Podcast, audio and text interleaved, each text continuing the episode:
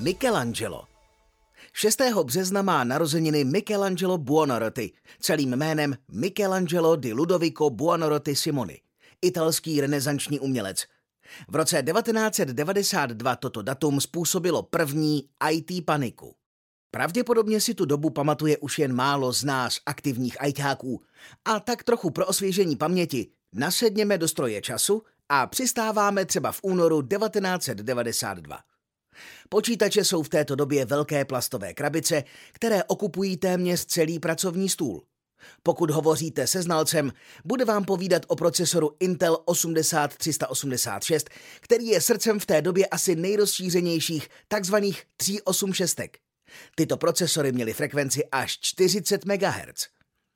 Windows v té době byly teprve v počátcích.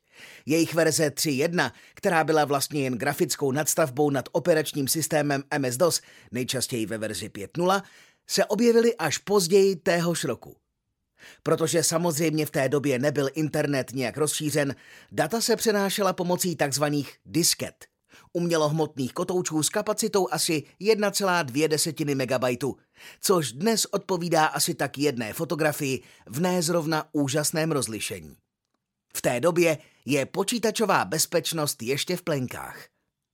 A právě v této době se objevila zpráva o takzvaném počítačovém viru, který se aktivuje právě s datem narozenin Michelangela a který v ten den zcela vymaže paměť počítače.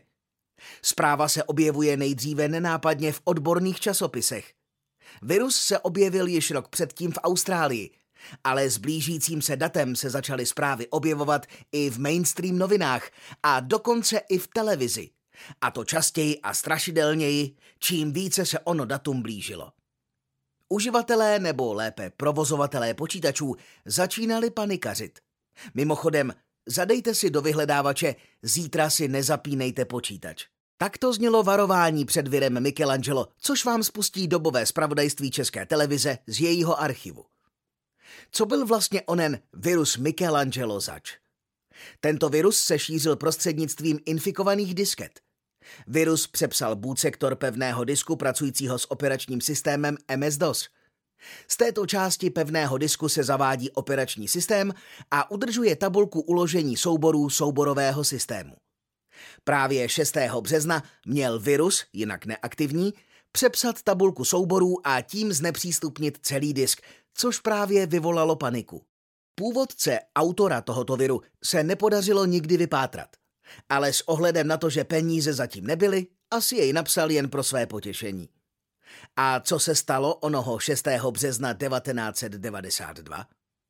Uživatelé s drobnou nervozitou zapnuli počítač, ozvalo se typické pípnutí zdroje a následně zavrčení motorku pevného disku.